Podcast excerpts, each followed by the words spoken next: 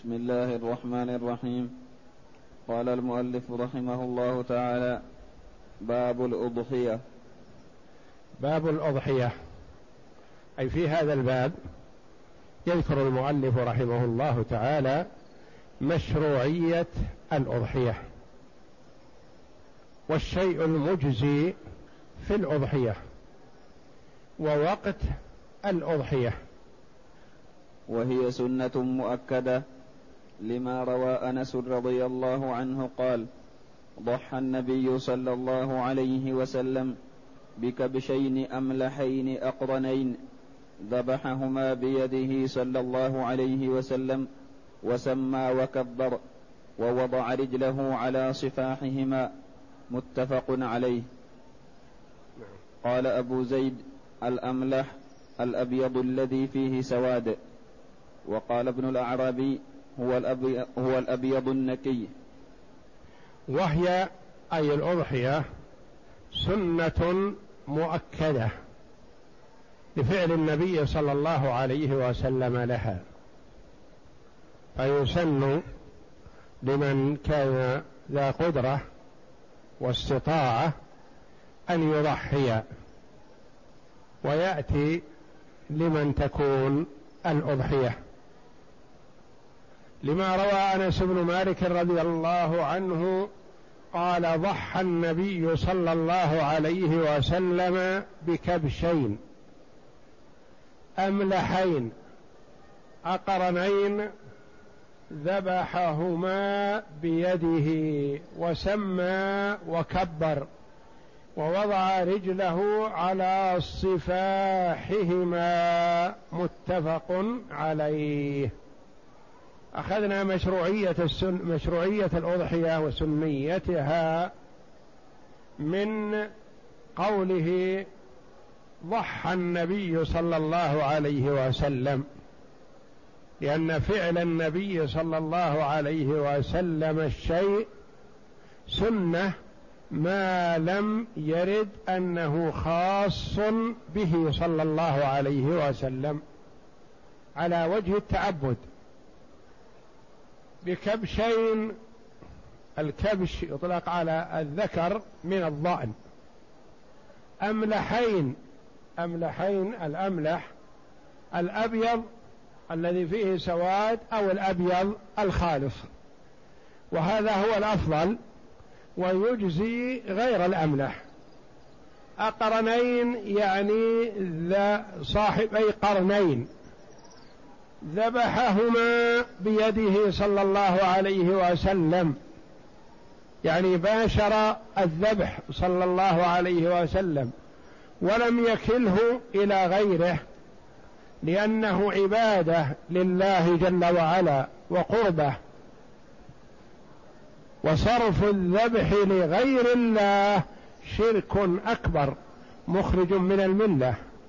فمن ذبح للجن أو للشياطين أو على قبر ولي أو قبر سيد في زعمه أو نحو ذلك فهذا شرك أكبر مخرج من الملة صاحبه كافر. وإن صلى وصام وزعم أنه مسلم. وضع رجله على صفاحهما يعني صفحة العنق الرقبة. وضع الرجل من أجل أن لا يتحرك. يكون أيسر وأسهل لخروج روحه وإزهاقها. والنبي صلى الله عليه وسلم يقول وإذا ذبحتم فأحسنوا الذبحة وليحد أحدكم شفرته وليرح ذبيحته. فالأفضل الذبح على الطريقة التي ترتاح لها الذبيحة وتزهق روحها بسرعة وسهولة. والتضحية أفضل من الصدقة بقيمتها لأن النبي صلى الله عليه وسلم آثرها على الصدقة وليست واجبة. لأنه روي عن أبي بكر وعمر رضي الله عنهما أنهما كانا لا يضحيان عن أهلهما مخافة أن يرى ذلك واجبا. والتضحية أفضل من الصدقة بقيمتها. يعني شخص يقول لك عندي ألف ريال هل ترى أن أضحي به؟ أو ببعضه مثلا حسب سعر الأضحية أما تصدق به نقول لا التضحية أفضل لأنها شعيرة من شعائر الدين وسنة سنها رسول الله صلى الله عليه وسلم وجمعت بين العبادة بالذبح وبين العبادة بالصدقة بلحمها والأكل وإظهار هذه الشعيرة عند أهل البيت وعند الجيران وعند الأقارب. فالأضحية التضحية أفضل من الصدقة بثمن الأضحية. ولكن لا يغالى فيها وما قامت به السنة يكفي. فمثلا يقول الأفضل أن أضحي بعشر مثلا أو أضحي بواحدة وأتصدق بقيمة التسع. نقول السنة تحصل بواحدة. والنبي صلى الله عليه وسلم ما غالى في الأضحية مثل مغالاته في الهدي لبيت الله الحرام. في الهدي أهدى مئة بدنة. وفي الأضحية ممكن أن يضحي صلى الله عليه وسلم بمئة شاة أو بألف شاة. لأن الدنيا لا تزن عنده شيء. وما امتنع عن بخل صلى الله عليه وسلم أو توفير وإنما ليشرع للأمة. فلا تشرع المغالاة في الأضحية ولا الإكثار من العدد مثلا. فبعض الناس مثلا يجعل أضحية له. وأضحية لأمه وأضحية لأبيه وأضحية لعمه وأضحية لجدته وهكذا. هذا ما ينبغي. فالنبي صلى الله عليه وسلم ضحى بكبشين أحدهما عن محمد وآل محمد. كل آل محمد صلى الله عليه وسلم اشتركوا معه في هذه الأضحية. والآخر عمن لم يضحي من أمة محمد صلى الله عليه وسلم. شملت من وقته صلى الله عليه وسلم إلى أن يرث الله الأرض ومن عليها. من لم يضحي من أمة محمد صلى الله عليه وسلم فقد ضحى عنه. فلا داعي مثلا أن يذبح الرجل في البيت عشر أو خمس عشرة أو نحو ذلك.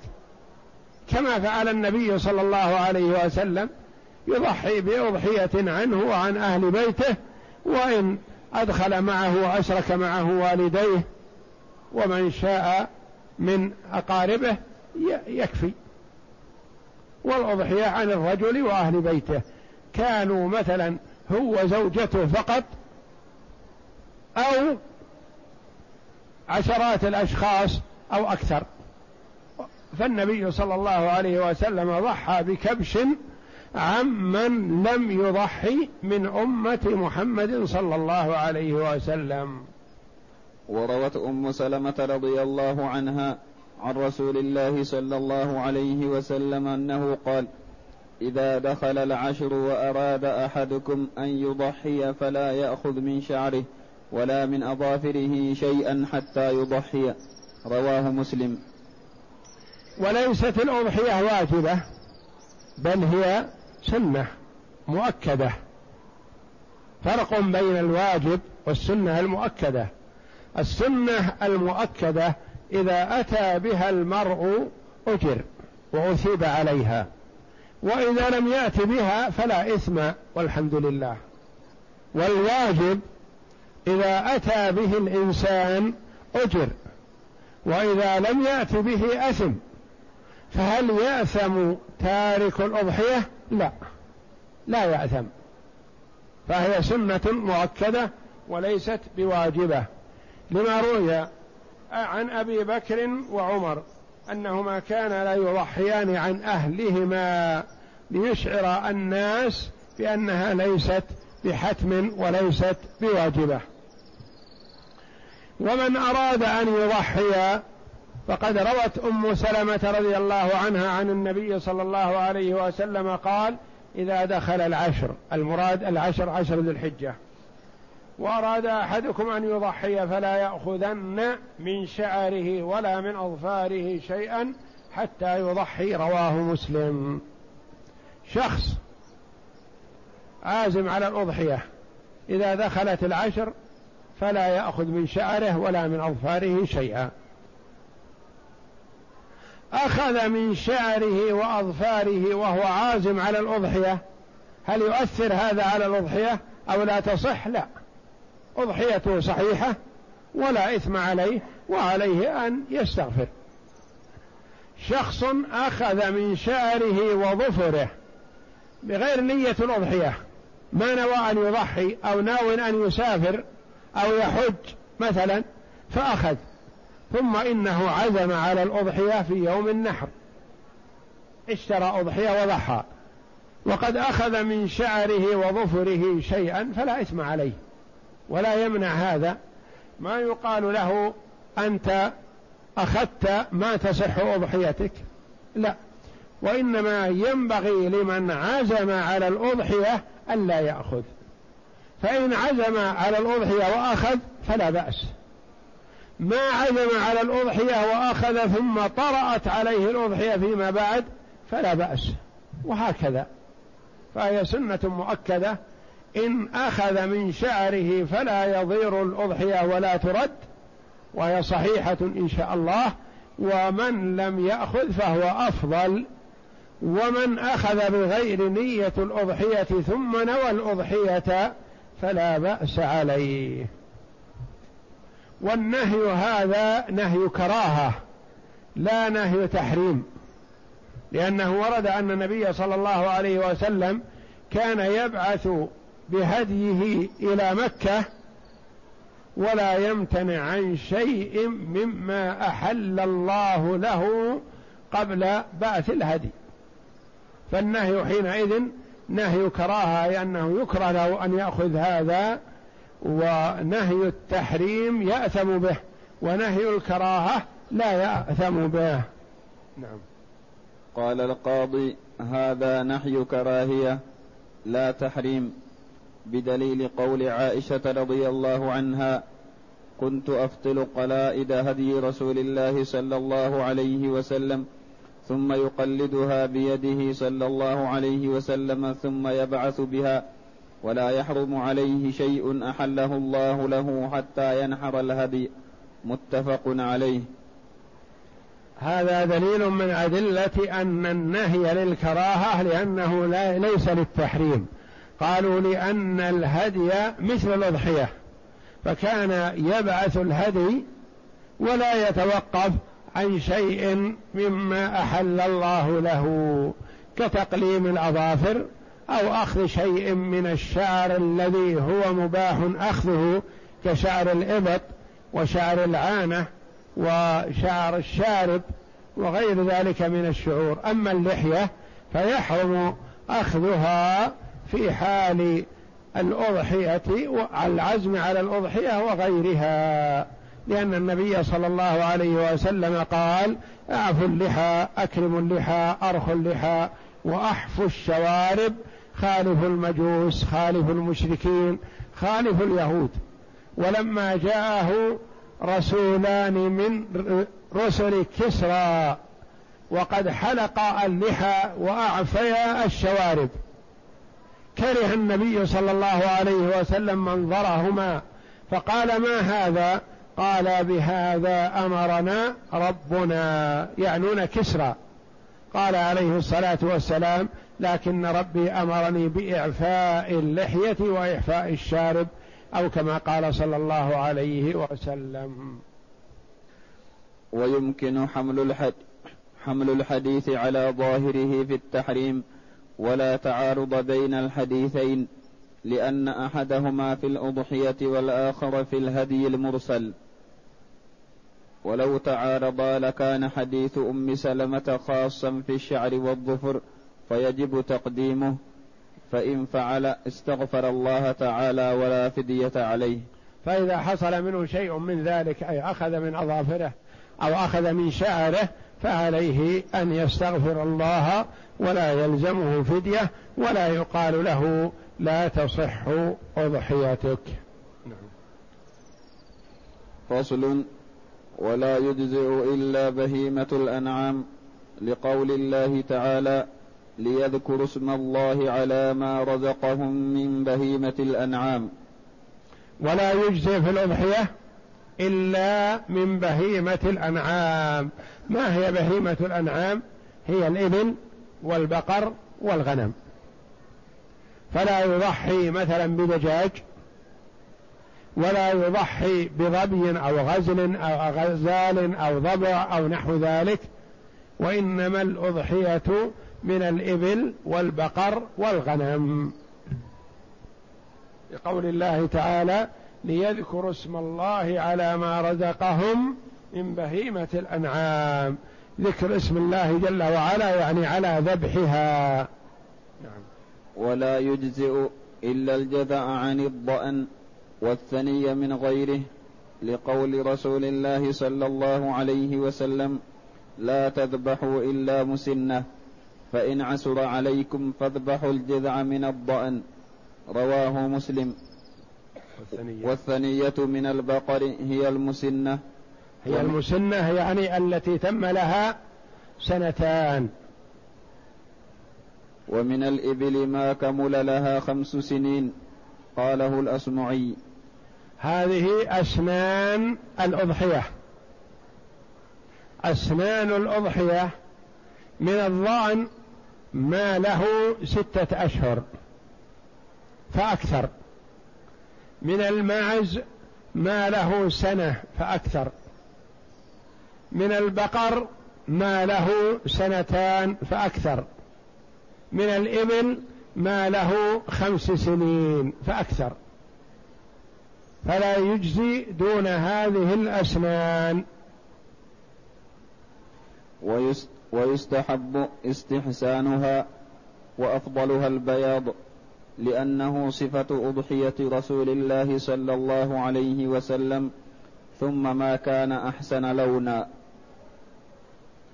ويستحب استحسانها لأنها نسك وعبادة لله جل وعلا فلا يبحث عن الأدون أو الأقل أو الأضعف وإنما يبحث عن الحسن. ومن يعظم شعائر الله فإنها من تقوى القلوب. وأفضلها من حيث اللون البياض لأنه أضحية النبي صلى الله عليه وسلم. ثم ما كان أحسن لونا وأرغب على الناس. فلكل مثلا نوع من أنواع بهيمة الأنعام يفضل لون. فمثلا في الإبل الحمر لقوله صلى الله عليه وسلم حمر النعم. فوالله لأن يهدي الله بك رجلا واحدا خير لك من حمر النعم. ومن الظان الأبيض أفضل. ولعل البقر الأبيض الأفضل الصفراء. صفراء فاقع لونها تسر الناظرين. أثنى الله جل وعلا على هذا اللون. فصل. وتجزئ البدنة عن سبعة وكذلك البقرة لقول جابر رضي الله عنه كنا نتمتع مع رسول الله كنا نتمتع مع رسول الله صلى الله عليه وسلم نذبح البقرة عن سبعة نشترك فيها رواه مسلم. وتجزئ البدنة عن سبعة سواء كانت هدي أو أضحية لأن الهدي والأضحية سيان. لقول جابر رضي الله عنه كنا نتمتع يعني في الهدي في العمرة إلى الحج مع رسول الله صلى الله عليه وسلم كما تمتعوا معه في حجة الوداع آه، فكنا نذبح البقرة عن سبعة ونشترك فيها يعني البقرة تكفي عن سبعة في الأضحية. ويجوز أن يشتركوا فيها سواء أراد جميعهم القربة أو بعضهم القربة والباقون اللحم. لأن كل لأن كل سبع مقام شاه. ويجوز أن يقسموا أنصباءهم لأن القسمة إفراز حق والحاجة داعية إليه. ويجوز أن يشترك فيها أي في البدنة سواء كانت بقرة أو بعير سبعة. سواء أرادوا كلهم الأضحية أو أرادوا أراد بعضهم اللحم أو بعضهم هدي وبعضهم أضحية وبعضهم اللحم فلا بأس. يعني نشترك سبعة في بدنه. اثنان منا عليهم هدي تمتع واثنان منا عليهم هدي قران وواحد منا يريد الأضحية واثنان منا يريدان اللحم. يصح هذا. إذا اشترك السبعة كل على نصيبه. وسواء اشتركوا فيها وأكلوها سواء أو أفرزوها قسموها بعدما ينتهون كل يأخذ نصيبه ويتصرف فيه. فصل. ويستحب أن ينحر الهدي والأضحية بيده. لحديث أنس رضي الله عنه. ويجوز أن يستنيب فيه لما ذكرنا في الهدي ويجوز أن يستنيب كتابيا لأنه من أهل الذكاء ولا يستحب أن يذبحها إلا مسلم لأنها قربة فالأفضل ألا يليها كافر بالله وعنه لا يجوز أن يليها كافر لذلك. ويستحب أن يذبح الهدي والأضحية بيده. هذا أفضل لفعل النبي صلى الله عليه وسلم لأنه بإمكان النبي صلى الله عليه وسلم أن يكلف أحد الصحابة بأن يذبح عنه. وقد كلف علي رضي الله عنه في ذبح نحر بقية هديه صلى الله عليه وسلم لكنه باشر بنفسه الأضحية باشرها بنفسه والهدي نحر منها ثلاثا وستين بدنة بيده الشريفة صلوات الله وسلامه عليه. فالأفضل أن يذبح بنفسه. فإن لم يستطع ذلك أو استطاع لكن وكل غيره في الذبح جاز والحمد لله. ويستحب إذا وكل أن يشهدها أن يحضر. لأنه يغفر له عند أول قطرة من دمها. قال ويجوز توكيل مسلم وكتابي الكتابي اليهودي والنصراني غير الحربي. أو حتى وإن كان حربي ما دام أنه لأن ذبيحة اليهودي والنصراني سواء كان حربي أو ذمي جائزة بخلاف المشرك الكافر الوثني عباد الأوثان والأصنام ومشرك العرب فلا تصح ولا تحل ذبائحهم. والأفضل أن لا يليها إلا مسلم لأنها قربة لله جل وعلا. والمسلم هو الذي يحتسب القرب بخلاف غيره. فمثلا قد يكون المرء في بلاد الكفار ويريد أن يضحي ولا يسمح له أن يذبح أضحيته في بيته وإنما لا بد أن تذبح في مكان النحر. ثم لا يسمح له أن يباشر بنفسه لأن الذبائح وكل بها أناس يتولونها. فما دام الذابح كتابي يهودي أو نصراني فالذبيحة حلال ويصح أن يتولى الأضحية. وإن أمكن أن يتولاها بنفسه فهو أفضل. نعم.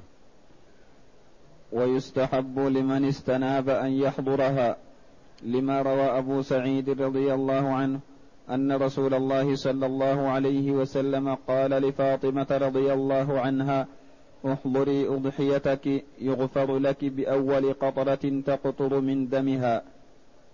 ويستحب لمن أناب أن يحضر عند الذبح. أفضل. يعني إذا كان المضحي يشق عليه الأضحية أو لا يستطيع ما تعود الذبح. فيحضر عند الذبح لأنه يغفر له عند أول قطرة تقطر من دمها لأنها قربة لله جل وعلا. نعم. ويقول عند الذبح بسم الله والله أكبر لحديث أنس وإن قال اللهم هذا منك ولك اللهم تقبل مني أو من فلان فحسن لما روى جابر رضي الله عنه أن النبي صلى الله عليه وسلم قال على أضحيته اللهم هذا منك ولك عن محمد وأمته بسم الله والله أكبر ثم ذبح. وفي رواية قال بسم الله اللهم تقبل من محمد وآل محمد وأمة محمد ثم ضحى رواه مسلم. وليس عليه أن يقول عن فلان لأن النية تجزئ. ويقول عند الذبح بسم الله والله أكبر. هذا هو السنة. والتسمية واجبة على قول والتكبير سنة. لحديث أنس المتقدم سمى وكبر. يعني يبدأ بالاسم بسم الله والله أكبر. وإن قال اللهم هذا منك ولك اللهم تقبل مني فلا بأس لأن هذا دعاء وقد ورد عن النبي صلى الله عليه وسلم أنه قاله أو سمى قال عن فلان اللهم تقبله من عني وعن أهل بيتي. اللهم هذا منك ولك اللهم هذا أضحية عني وعن أهل بيتي ونحو ذلك فلا بأس. لأن النبي صلى الله عليه وسلم قال اللهم تقبل من محمد وآل محمد. اللهم تقبل من محمد وأمة محمد صلى الله عليه وسلم. نعم. ولا يلزم أن يقول عن فلان كما يظن بعض الناس أنه لازم أن يسمي أضحيته. مثلا يعني هذه أضحية عن فلان ونحو ذلك. هذا ليس بلازم لأن النية محلها القلب وقد نوى بقلبه عمن تكون الأضحية فيكفي ذلك. والله أعلم. وصلى الله وسلم وبارك على عبده ورسول نبينا محمد وعلى آله وصحبه أجمعين.